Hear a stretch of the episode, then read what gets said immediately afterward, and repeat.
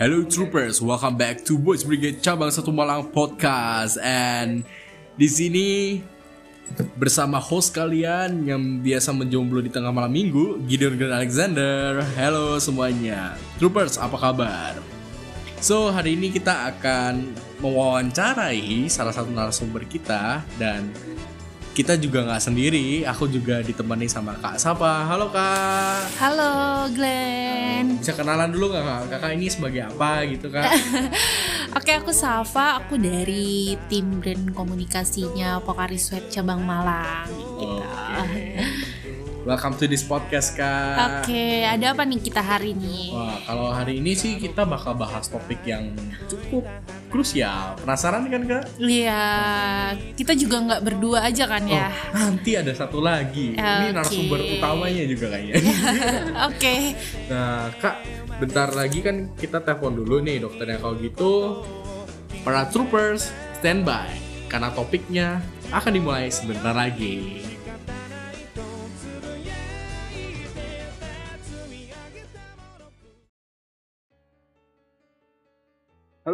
Troopers. Welcome back with me, Gideon Glenn Alexander, as your host in Boys Brigade Cabang Satu Malam Podcast. So, in today's topic, kita benar-benar berasa relatable nih topiknya. Karena topiknya ini mengenai menjaga kesehatan karena ancaman virus dan bakteri ini ternyata semakin menyebar loh di sekitar kita.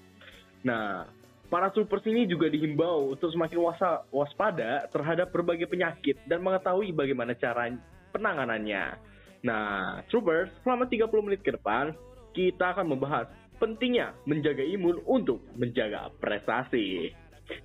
Pada kesempatan kali ini, troopers, kita sudah kedatangan narasumber yang luar biasa mantul, yaitu Dr. Heri Sutanto, spesialis penyakit dalam dari Rumah Sakit Dr. Saiful Anwar. Dokter, welcome to this podcast. Terima kasih sudah mau menyematkan dirinya untuk collab dengan Boys Brigade Cabang Satu Malang Podcast sebagai narasumber kami. Ya, selamat siang Mas Ken. Iya, Apa kabar teman-teman semua? Wah, luar biasa dok. Bagaimana dokter? Salam sehat Dok? selalu ya. Iya. Ah, luar biasa nih. Hmm. Luar, luar biasa semakin semakin banyak atau Semakin- gimana dok? Semakin dahsyat nih. Semakin Badainya dahsyat. terus-terus naik terus nih. Nah, dok ngomong-ngomong soal semakin dahsyat keadaannya ya dok ya. Topik kali ini tuh penting banget loh dok untuk membantu para garda terdepan di sana. Nah, Ya, saya setuju banget. kebetulan topik ini tuh benar-benar menyangkut juga selain garda terdepan, menyangkut juga para troopers troopers kami.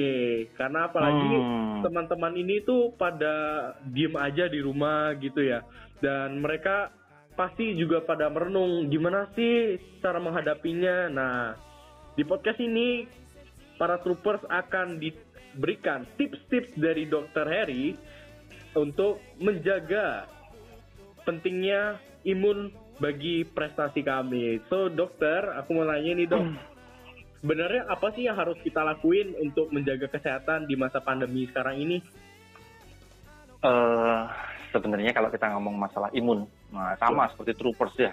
Iya. Imun itu adalah troopers kita dalam tubuh kita itu kita punya troopers sendiri juga. Iya, iya. Jadi kita punya tentara yang bisa menghalau apa pun yang mengganggu tubuh kita. Ah, Nah, kadang-kadang kan kita sudah ini arus informasi ini makin cepat sekali ya, apalagi era COVID ini. Tips sehat, eh, suplemen kesehatan, nah, itu semuanya sudah bisa diakses dengan mudah. Jadi kadang-kadang bahan energi imun kita kita Iya. terpapar dengan apa? Makanan sehat, istirahat cukup, hmm, nutrisi, mulai dari suplemen, buah dan lain-lainnya. iya. Tapi ada hal lain sebenarnya karena kita itu sehari-hari tidak hanya makan, kita sehari-hari juga minum. iya benar. Karena Hmm. yang sering kita kelewat gitu ya mas ya, iya benar. makannya baik tapi minumnya tuh loh, lihat gelas saja seminggu mungkin pak sekali, yang lainnya pakai sedotan mungkin. Waduh, tapi tapi volumenya dan jaganya itu kadang-kadang kita kurang kurang kurang begitu proper, kurang begitu si- eh, pas untuk imun kita. Hmm, hmm, hmm. Benar-benar. Di depan laptop kayak gini kita kerja satu jam dua jam, nggak minum sama sekali, udara AC kena dingin apalagi apa ekspirasinya banyak, jadi keringetnya mungkin nggak banyak, tetapi penguapan yang lain banyak, Oh, sehingga iya. kita tanpa sadar Hmm, dengan nutrisi yang bagus tetapi tidak bisa efektif karena apa? 80% tubuh kita adalah cairan. Sehingga kalau cairannya berkurang, Hmm. cairannya berkurang, nutrisi tadi tidak akan bisa berpindah daripada kompartemen satu ke kompartemen lain. Jadi, Jadi tubuh kita itu seolah-olah ada Ah. sekat-sekatnya, Mas. oh jadi ada sekat gitu. Jadi airnya itu eh, ada airnya itu ada komposisinya. Hmm. Air di dalam rongga-rongga pembuluh darah, air di dalam sel, air di sekitar sel itu punya peran masing-masing sebagai jalan untuk lewatnya sistem imun. Ah, gitu. Kalau dehidrasi, jalannya makin sempit. Nah, Nah, berarti eh, kita ini kan ngomong di depan komputer tadi ya dok ya. Kita kan emang pada masa ini tuh bener-bener di rumah aja dok. Bener-bener kita nggak ngapa-ngapain selain duduk diam di depan komputer, kerjain PR, kerjain tugas dari guru, dan itu kita itu nggak bergerak sama sekali dok. Jadi dok, Mm-mm. aku mau tanya nih dok, mungkin para trooper juga penasaran juga, kira-kira tanda-tanda kita itu dehidrasi menurut dokter itu seperti apa sih dok? Ah, oke. Tubuh kalau sehat, Ya. dia punya sistem alarm. Nah, dia punya sistem alarm. Begitu mulai kekurangan cairan atau dehidrasi, muncul Ya. sinyal-sinyal. Paling ringan sebenarnya ada rasa haus. Ya ya ya. Jadi kalau saya sekian lama di depan komputer, kadang-kadang saya merasa haus. Tapi apakah secepat itu kita segera menjangkau minum atau air? Kadang-kadang enggak. Ya. Kadang-kadang teralihkan perhatian kita dengan yang lain. Wah, tugas dari ini belum selesai, muncul tugas yang lain. Nanti, hmm, kompensasinya jadi nanti, nanti, nanti. Nah, akumulasi berikutnya adalah mulai terganggu konsentrasi. Mm-mm. Jadi konsentrasi kita ini mulai terganggu, badan rasanya capek, tidak fit. Badan rasanya kok hari ini saya tidak semangat ya. Nah, Iya, benar. hal-hal tersebut itu sudah menunjukkan bahwa apa? Tubuh kita kehilangan cairan lebih dari yang bisa kita kompensasi sehari-harinya. Wah, Sehingga yang terjadi apa? Air yang diutamakan adalah air di dalam pembuluh darah. Air di sel dan sekitar sel akan berkurang dulu. Gampangnya apa? Konsentrasi kita akan jadi susah. Karena apa? Sel-sel otak pun akan mengalami dehidrasi sehingga ke berpikir dan lain-lainnya terganggu. Gampang ngantuk, gampang capek dan lain-lain. Ah, Oke. Jadi sebenarnya untuk mencegah supaya seperti itu ya kita harus selalu sedia minuman di samping laptop dan lain-lainnya. Mm-mm. Jadi eh, secara langsung dehidrasi itu benar-benar gak bisa disepelein ya dok ya? Itu penting sekali, vital. Oh vital kan, waduh. Hmm, Troopers tuh hmm. dengerin troopers. Dehidrasi Hmm. itu nggak boleh disepelekan, bahaya nantinya. Nah, Ya dok, betul sekali. aku mau nanya nih dok, eh, kira-kira Hmm. kalau misalnya untuk menjaga biar tubuh tetap hidrasi itu gimana sih dok sebenarnya? Karena dehidrasi ini kan katanya tadi bahaya, pasti ada solusinya dong dok. Gimana dok menurut? Oke. Jadi Ya. pasti dehidrasi kita ngomong masalah cairan. Ya. Cairan itu ada yang simple, ada yang kompleks. Ya. Kompleks maksudnya apa? Mengandung hal-hal lain. Pada waktu kita dehidrasi, sebenarnya yang kita butuhkan adalah cairan dengan hal-hal lain yang mungkin bisa ditambahkan ke cairan itu. Hmm, jadi Kalau saya ngomong dehidrasi, betul. Kalau ngomong dehidrasi, nggak hanya cukup dengan air. Hmm. Kalau ke air, dia bisa mengisi volume. Oke. Tetapi yang dibutuhkan untuk menjaga supaya masing-masing kompartemen itu tetap terjaga frekuensinya, entah itu volume intrasel di dalam sel, volume di dalam pembuluh darah dan pembuluh yang lain, atau volume di intersisil atau di antara sel, itu dibutuhkan komponen elektrolit atau ion. Oh. Ion atau elektrolit memiliki muatan listrik, bukan listrik seperti PLN. Nggak bisa itu ya dok, ya bahaya nanti. nanti bahayanya dipikir air aki nanti. Bukan. Bukan sehat malah Jadi- nanti bisa nyala bolamnya kalau bisa dipegang. nyala. Enggak. enggak, enggak. Ini gini. Oke. Jadi kita ngomong masalah masalah elektrolit atau ion ini, Ya. dia berfungsi untuk apa? Sebagai penjaga atau pengalokasian dari air tersebut biar bisa masuk ke kompartemen-kompartemen. Saya minum air putih, Iya. masuk di dalam usus penyerapannya mungkin sekitar 60-70 persen. Yang lain keluar lewat kencing. Iya, iya. Tetapi kalau saya minum sesuatu yang beriron, dia memiliki kunci sehingga masuknya lebih mudah. Ah, Kuncinya itu bisa masuk, penyerapannya akan lebih banyak. eh, Untuk mengatasi dehidrasi lebih efektif. oh, lebih efektif. Jadi kalau misalnya ion itu penting bagi hidrasi, kira-kira manfaatnya bagi tubuh kita selain menjaga keseimbangan mineral ya dok ya, itu Mhm. selain itu apalagi ya dok yang kira-kira fungsi dari ion ini sebenarnya? sesuai dengan sesuai dengan judul kita hari ini, Hmm. ion ini akan menjaga status imun kita. Oh, Karena apa? Semua jalan-jalan sel, sel imun kita. Hmm. Jadi kalau imun itu tidak berdiri pada satu tempat, sama seperti tentara. Dia punya base camp. Saya punya kantor polisi, saya punya kantor eh, tentara, barak tentara. Nah, itu ada base campnya. Oke oke. Untuk menuju tempat-tempat yang dibutuhkan, misalnya ada sedikit konflik nih ya, Iya. dia harus pergi ke sana kan. Iya benar. Perlu kendaraan, perlu jalan. Hmm. Itu semua yang akan disiapkan oleh Ayan dengan baik. Wah. tentara kita bagus, tetapi saya tidak punya infrastruktur untuk menuju tempat konflik. Hmm. Tentara kita terlambat mengatasi konflik. Ah, jadi malahan Nah, itu- tidak ada faedahnya ya dok ya? Ah, betul. Jadi Ah. suatu sistem close sat- kesatuan Ya. dengan imun. Jadi ini hal yang penting sekali. Hmm, siap siap. Oke. Nah berarti kalau untuk uh, menjaga imun dan segala macam ini berarti penting banget ya ketika tubuh terhidrasi dengan baik. Istilahnya kita jadi mudah untuk menyerang para lawan-lawan kita ya dok ya, Istilahnya Hmm, para virus dan sip. bakteri gitu ya. Oh Hmm. oke oke. Benteng kita sip, Wah, benteng Oh. kita sistem pertahanannya sempurna. Oke, Mantap. Jadi mantap sekali. Mantap jadi ya. Nah, dok, ya sebelum uh, lanjut ke dokter lagi nih, aku mau tanya ke Kak Safa dulu nih.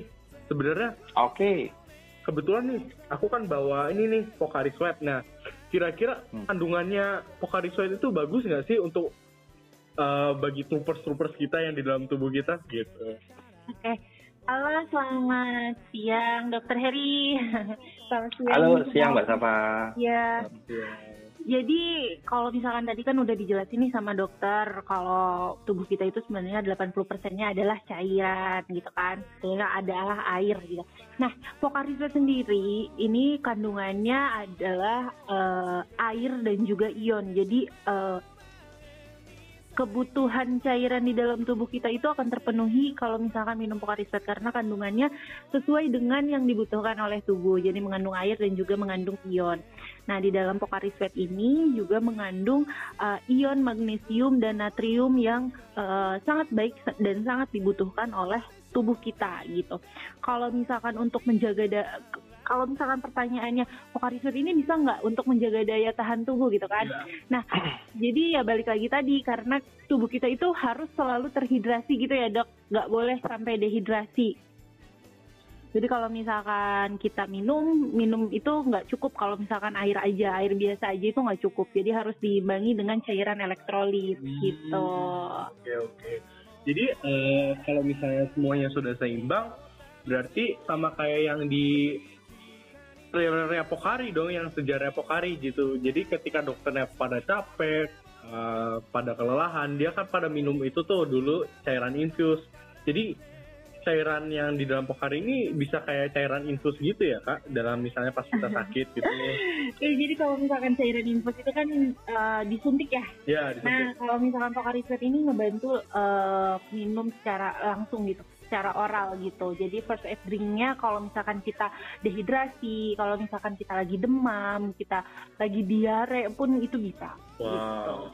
Jadi banyak banget ya cara solusinya yang diberikan Pokari ini. Wah, keren juga nih. Jadi nggak salah dong saya minum Pokari. ah, jadi kalau misalnya dehidrasi kan malah jadi bahaya. Nah, jadi para troopers ini juga harus mulai aware nih dengan kecukupan cairan tubuh.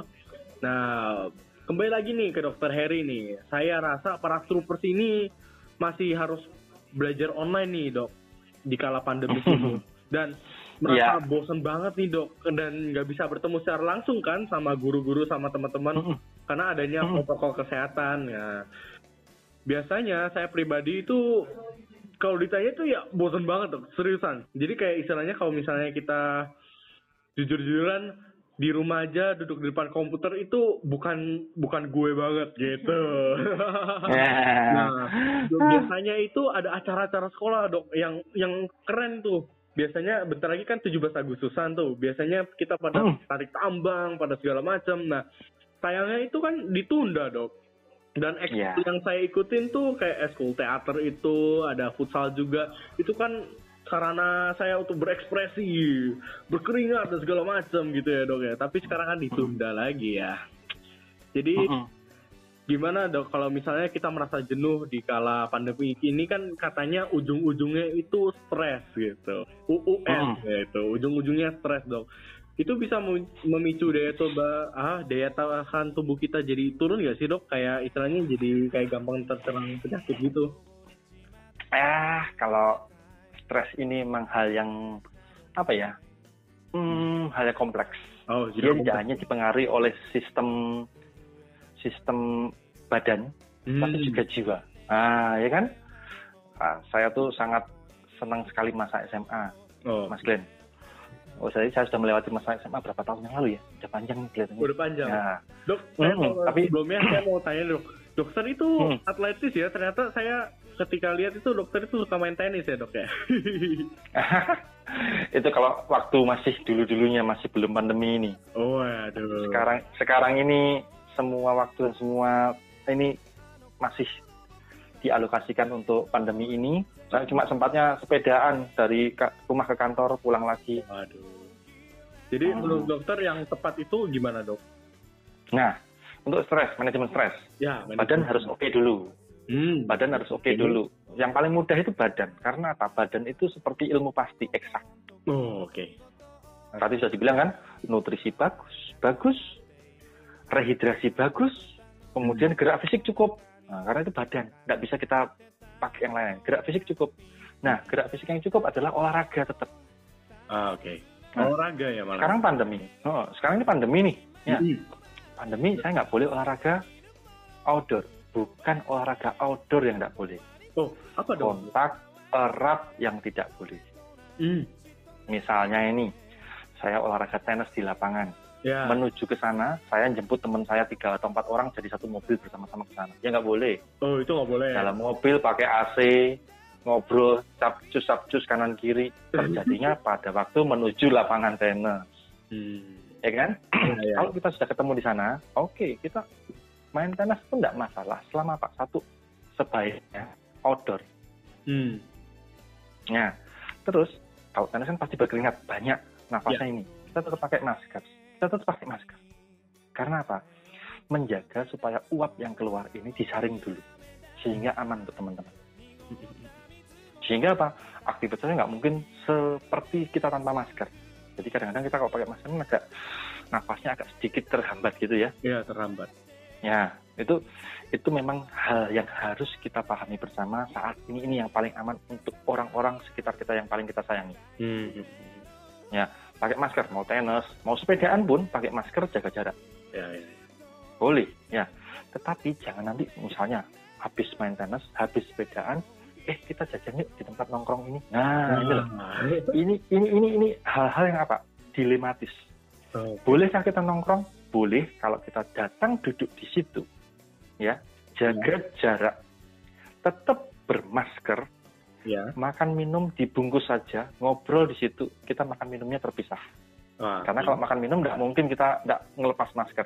Hmm, benar, benar. Kecuali kalau maskernya ada lubangnya. Nah, tapi itu Nah. juga sama aja nggak efektif nanti. Ya, bahaya malah. itu malah bahaya. Jadi saya, saya tuh bukannya orang yang antipati dengan nongkrong sebenarnya. Tetapi tolong dong, semua protokol kesehatan itu dibuat untuk apa? Kenyamanan bersama. ah. Ya, supaya saling jaga. Saya mau nongkrong, tapi saya harus sayang dengan orang-orang yang saya ngajak nongkrong. Saya harus peduli dengan mereka. Hmm. Pakai masker. Makanya bawa pulang. Kalau perlu minumnya juga bawa pulang. Ngobrol-ngobrol sebentar, pulang. Hmm. Selalu cuci tangan dan lain-lainnya. Tempat-tempat nongkrongnya pun dipilihlah tempat nongkrong yang sirkulasinya baik.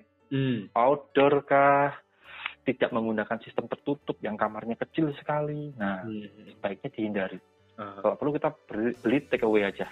Oh, Boleh kok. take away. Beli take away, makan di tempat yang rame apa eh, kumpul di tempat yang terbuka.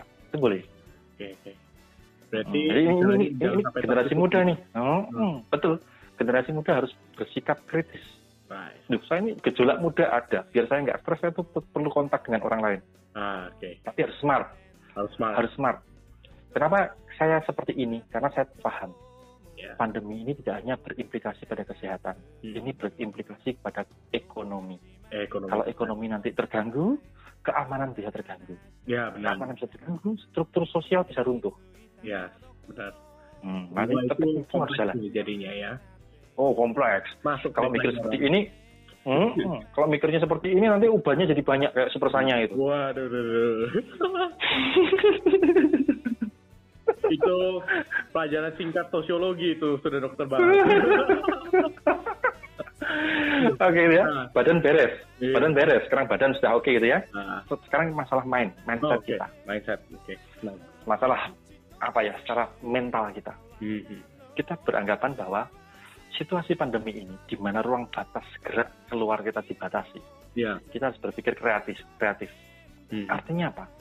Kita punya media daring, Yes, benar. memang tidak senyaman kalau kita kontak langsung. Hmm, Bisa cubit-cubitan, bisa apa. Tapi justru media daring ini kita Mhm. bisa sangat berkreasi sekali untuk apa? Menunjukkan kreativitas kita. Waduh. Saling unjuk, share video. Inilah aku video olahraga angkat beban 30 kilo Wow. pakai traktor. Wah, oke, makasih. pakai katrol ngangkatnya. Jadi hal-hal ini yang membuat apa? Kita tetap connect dengan dunia luar, Menyenangkan ya. dan aman. Iya, benar, benar, benar. Mm-mm. Ini nggak bisa, kita nggak bisa terkungkung. Ya maaf, kalau saya juga nggak bisa kok Hmm. diem. Saya pernah menjalani isolasi mandiri selama dua minggu dan stresnya tuh besar. Selain stresnya besar, emosi tuh mudah tercetus. Kalau lagi Benar, benar. omongannya mungkin nggak nyaman tuh, uh, senggol cakot. Nah, gitu ya. Aduh. Cendol hajar ya. itu mas ya, kita harus kreatif, pakai media-media yang bisa kita manfaatkan, daring, entah itu Zoom, entah itu Google uh, Meet. Google Meet atau mungkin ini pakai WhatsApp grup yang call grup, monggo silahkan. Dok, Adu aku kreativitas di situ. Game ini dok, eh, mitos atau fakta ya dok ya. Oh iya Menurut betul. dokter nih, Ah, Mitos atau fakta? Oke. Hmm. Memakai masker dapat men- mengurangi kadar oksigen dalam udara. Mitos atau fakta? Jadi Mitos. mitos. Kenapa mitos dok? Karena kalau pakai oksigen udara, Eh, eh, uh, kalau memakai masker, oksigen dalam udara turun, ya salah. Oh. Masker ini filtrasi, jadi Hmm. memfilter. Yang dokter, difilter, yang difilter apa? Partikel, bukan oksigen. Nah, Hmm, Oke oke. yang difilter itu partikelnya, bukan oksigennya. Kenapa kok kita nggak sesak? Karena pada waktu kita menarik nafas, Ya. yang masuk difiltrasi dulu, tetapi oksigennya tetap tidak berubah. Hmm. Oksigennya tetap ya berarti ya. Hmm. Hmm.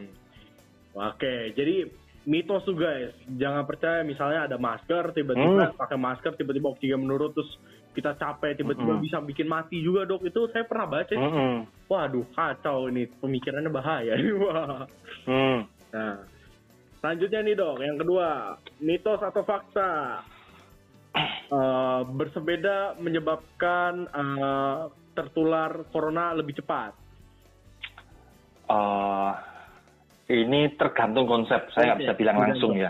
oke Seperti tadi ya, bisa mitos, bisa fakta. Oh. Kalau memang satu bersepeda tidak menjaga protokol kesehatan, ya Mhm. otomatis betul. Oh, Karena apa? oke. Satu pinjam-pinjaman sepeda. Saya Hmm. pakai sepeda saya, pindah ke sepeda yang lain, Hmm. tidak cuci tangan. Hmm. Jarang ini bersepeda bawa hand sanitizer, jarang kan? jarang banget hmm, jarang. pada Pegang sepeda itu? orang lain. Iya. Betul, dianggap temannya nggak infeksius. Dianggap saya nggak infeksius. Padahal Hmm. pada waktu bersepeda, saya batuk atau saya bersin, saya nutup pakai tangan. Hmm. Tangan saya mungkin kena partikel virus atau apa pun nempel ke gagang sepeda saya. Orang lain megang gagang sepeda saya. Terus usek-usek hidung, ucek-ucek hidung, ucek-ucek mata. Nah, Hmm. sudahlah. itulah pemindahannya. Nggak, nggak harus sepeda, Mm-mm. pinjem aja HP-nya teman. Nah, itu Nah. loh. Iya, iya, iya. iya. Kan sama aja. Kalau bersepeda misalnya ya, saya di depan, dia di belakang. Kalau saya batuk, nulari teman. Tapi kalau saya pakai masker, Ya. jaga jarak, aman. Ah, oke. Hmm. Tetap aman ya, istilahnya Pak, jaga protokol. Be smart, mm-mm. be smart, nggak usah panik, tetapi waspada. Beda sekali panik dan waspada. Logikanya masih kepake kalau waspada. Iya, iya, iya, iya, benar. Kalau gitu dok, nih untuk para troopers nih, kira-kira supaya nih kan temanya sesuai dengan untuk apa untuk menjaga prestasi juga ya dok ya. Aku mau tanya nih kepada dokter nih. Dokter kan uh, sudah selesai kuliah dan juga sudah bekerja ya dok ya. Nah tipsnya untuk para troopers supaya bisa fokus biar prestasinya nggak terganggu atau lebih meningkat gimana dok menurut dokter? Oh, Oke, ya ya jelas saya sudah selesai kuliah. Nggak mungkin saya sekarang belum selesai kuliah. Lumayan deh. Jadi Ah, betul sekali. Lompat nanti ya. Ini. Lompatnya akselerasi. So sepanjang apa yang sudah saya alami ini, ya. Kita harus yakin bahwa setiap tahap kehidupan, step-step tahap kehidupan itu punya kesulitannya masing-masing Ya. dan porsinya sesuai dengan step-step dalam kehidupan. Tipsnya satu, jalani itu dengan senang, jalani itu dengan anggapan bahwa apa? Saya bisa naik ke tingkat selanjutnya. Saya akan naik ke tingkat selanjutnya. Karena Ini- apa? Kalau kita mudah menyerah, Mhm. Step yang pertama ini misalnya SMA Ya. itu tidak lebih ringan daripada step kuliah. Kalau kita menyerah di SMA, kita akan kesulitan di kuliah. Alright. Step itu seperti anak tangga, semakin naik kita akan semakin banyak tantangannya, semakin naik kita akan semakin banyak tantangan. Benar benar. Itulah yang harus dipikirkan dalam mindset kita bahwa saya menghadapi ini sesuai dengan porsi saya. Saya selesaikan. Ada tantangan seperti itu. Nikmatilah, enjoy. Semua manusia itu akan apa ya? Akan mendapatkan tantangan dan kebahagiaan sesuai dengan porsi. Oh Itu ya. aja. ya. Mantap juga. Hmm. Dong. Ini jauh dari Ion ini kali ini ya. Iya, nggak apa-apa.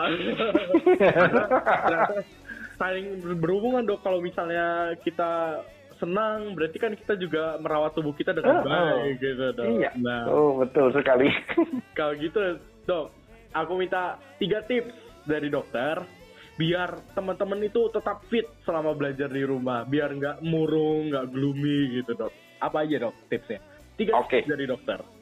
Tiga tips. Ya. Yang pertama, Oke. kreatif. Be kreatif. Be ada sesuatu berkreasi berkreasilah sebanyak-banyaknya imajinasi kreasi jangan pernah terbatas Ah, Oke, mantap. tidak bisa ke mana-mana terpaksa daring Ya. tiba-tiba pulsa habis dan lain-lainnya habis kreatiflah ya tulis saja surat kirim ke gurunya Ah, Ya. foto screenshot ke gurunya guru akan sangat apa ya hal-hal simple yang kita keluarkan benar-benar dari hati oh, Oke. itu akan membuat efek positif ke orang lain maka kreatiflah dengan hatimu itu dengan semuanya doi juga ya dok ya. Hmm, betul. Yang kedua, Ya, ya. yang kedua, Oke. BOB itu the rule. Oh. Patuhilah aturan.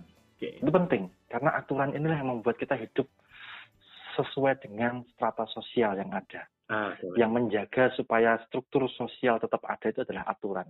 Ya. Jangan kita merasa tidak setuju, bebas berkoar-koar, kita tanpa melihat apa yang ini, yang berwenang, biarkan yang berwenang memberikan masukan. Maka jadilah netizen yang sesuai aturan. Oke. Yang ketiga terakhir, terakhir. Jangan mudah menyerah. Oh, oke. Kita Dan sudah kreatif, Mm-mm, kreatif sekali. Terus kemudian kita sudah sesuai aturan. Kalau ada hambatan, jangan mudah menyerah. Kalau kurang cairan, ya segeralah minum, jangan menyerah. Oh, benar. Mantap. Oh, benar-benar nggak kerasa dok. Seru juga ini tadi dengan bincang-bincangnya. Terima kasih. Sudah hampir 30 menit nih dok kita berbincang. Terima kasih banyak untuk tips-tipsnya. Semoga para troopers di rumah yang mendengarkan podcast bisa menerapkan tips kesehatan dari dokter Harry. Terima kasih banyak ya dok. Oke. Sama-sama, terima kasih kembali. Nah, Oke, so troopers, Terima kasih sudah mendengarkan Boys Brigade Cabang Satu Malam Podcast sesi with Dr. Harry. Saya Gideon Glenn Alexander dan dan ini Dr. Harry. Sampai jumpa di pertemuan tahun depan kalau ada. So, saya Gideon Oke. Glenn Alexander signing out. Goodbye.